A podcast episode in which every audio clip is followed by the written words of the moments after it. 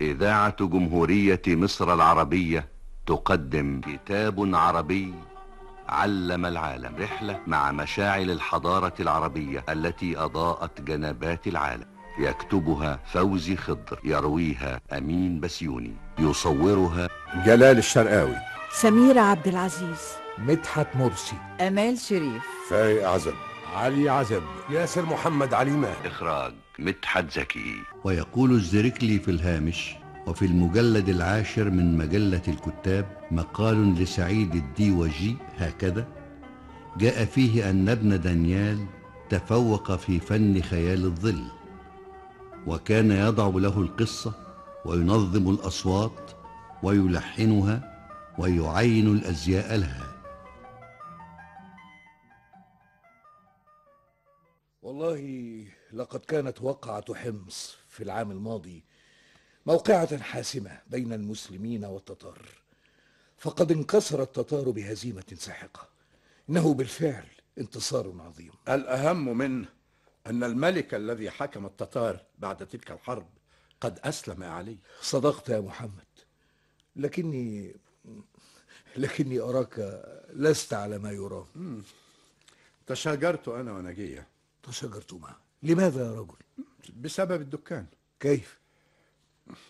علي تعلم أني أداوي النساء مجانا نعم وهي تريد أن يدر عليها الدكان مالا أولا هي معها حق كيف؟ ثانيا أنت معك حق آه أفادك الله أنا أنا لا أمزح يا محمد ألم تكن تمزح؟ لا أبدا إذا فعقلك يحتاج إلى إصلاح اسمعني هي معها حق في ضرورة أن يأتي الدكان بمال فهو دكان كبير وأنت معك حق في أن تعالج النساء مجانا بناء على الظروف التي قصصتها علي سابقا بشأن أمك رحمها الله والحل أشاركك في الدكان كيف؟ أليس المولد النبوي بعد أسبوعين؟ بلى ألا يشتري الناس فيه لأولادهم الحلوى والعرائس؟ بلى أنا سأعرض بضاعة في جزء من الدكان أبيعها للناس فأنا شغلت نفسي في الفترة الأخيرة بصناعة العرائس هل ستبيع عرائس الحلوى؟ عرائس نعم لكن ليست حلوى أوضح يا علي اسمع انظر إلى ذلك الركن ال- الذي هناك ما هذه؟ آه عرائس كما ترى قم فأحضر بعضها آه علي نعم إنها عرائس مصنوعة من الجلد والقماش نعم رأيتها ذات مرة وأنا في بلاد الشام ومنذ فترة لازمني ضيق شديد فقلت أشغل نفسي بصناعة هذه العرائس ثم أبيعها هذه العرائس سوف تجذب انتباه الناس عظيم إذا هل توافق على أن أستأجر جانبا من الدكان أبيع فيه هذه العرائس يا محمد يا ابن دانيال السلام عليك أيها الوراق وعليك السلام يا محمد بن دانيال تفضل هل لديك جديد؟ دائما لدي جديد أيها الطبيب ولكن الجديد هذه المرة ليس في طب العيوب فيما هو إذا؟ في شؤون الدين لمن هو؟ للشيخ ابن الجوزي أعطيني إياه ها؟ يبدو أن الناس عيونهم صارت بخير فالمرضى اليوم قليلون ويبدو أيضا أنهم مفلسون فأنا لم أبع ولا حتى عروسة واحدة لا بأس آه قل لي لمن هذا الكتاب الذي تقرأه يا محمد؟ لابن الجوزي انظر إنه يتحدث هنا عن خيال الظل عن خيال الظل؟ نعم يا علي ماذا يقول؟ يقول رأينا خيال الظل أعظم عبرة لمن كان في أوج الحقيقة راقي شخوص وأشكال تمر وتنقضي وتفنى جميعا والمحرك باقي عجبا لقد كنت أظن أن خيال الظل من الأمور الحديثة في عهدنا هذا لم أتصور أبدا أن يذكره ابن الجوزي الذي توفي منذ حوالي ثمانين أو, أو تسعين عاما توفي بالضبط سنة 597 للهجرة ما شاء الله ما شاء الله هل تحفظ تاريخ وفاة ابن الجوزي؟ لا بل هو مكتوب ها هنا في الكتاب أنا لا أحب خيال الظل لماذا عليه؟ إنه سخيف وممل خيان الظل ليس له ذنب إنما الذنب في من يكتبون حكايات سخيفة وينفذونها به يا أخي وأنا رأيت بعضها ها وكيف كانت سخيفة بالطبع أتعلم يا محمد يا ابن دانيال خيال الظل يحتاج إلى أن يكتبه رجل مرح مثلك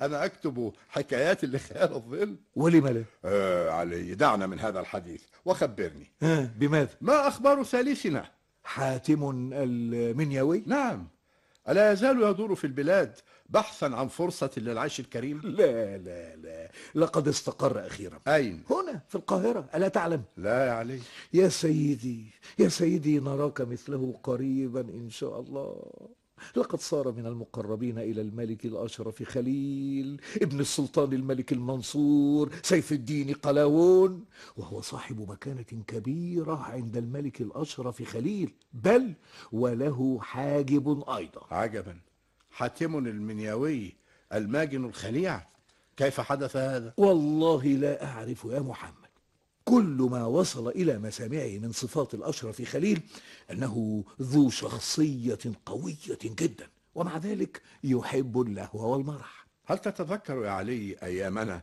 حينما كنا صغارا هل تنسى تلك الأيام؟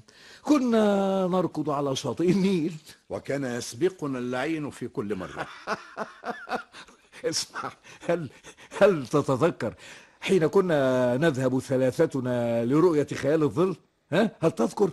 والله لقد كان ممتعا أيامها وكان فيه من الفكاهة والمعاني الجميلة ما هو أفضل مما نراه الآن لهذا انصرف الناس عن خيال الظل يا علي فإن حكاياته مكررة سخيفة السلام عليكما وعليك السلام يا أبا عبد الله عليك السلام لماذا تضع على عينيك هذا القماش أشعر كأن في عيني زجاجا مجروشا يا محمد الكحال اجلس اجلس اجلس ها هنا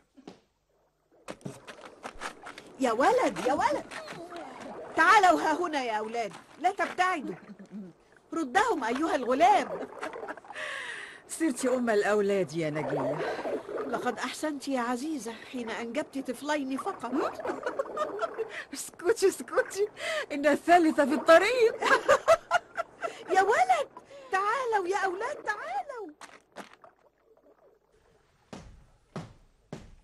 سيدي حاتم ماذا أيها الحاجب؟ في الخارج رجل مصمم على مقابلتك قلت له إنك مشغول لكنه ما اسمه؟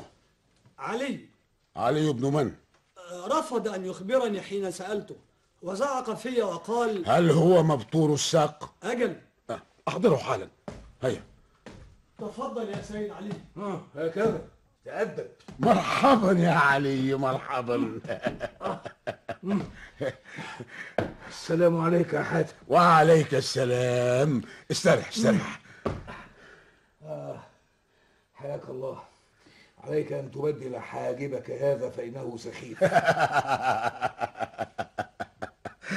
السخافة من الصفات المرغوبة في الحجاب يا علي وإلا استطاع الوصول إلي كل من هب ودب المهم كيف حالك يا أخي؟ بخير والحمد لله كنا نتحدث عنك أنا ومحمد بن دانيال محمد لماذا لم يأتي معك؟ جئت دون أن يعلم حتى أتحدث لك في أمر يخصه ولا أريد أن يعرفه يا حاتم آه وما ذاك؟ أحببت إقناعه بكتابة روايات لخيال الظل لو كتبها ستكون في غاية المرح والدعابة والمتعة طبعا ليتك تستطيع إقناعه بهذا سوف أكتب له رسالة تعطيها له وهي كفيلة بأن تجعله ينفذ ما نريد لا لا لا لا آه لماذا؟ لا أريد أن أحمل رسالتك إليه يا حاتم لماذا؟ لأني لا أريد أن يعرف أني جئت إليك وحدثتك في هذا الأمر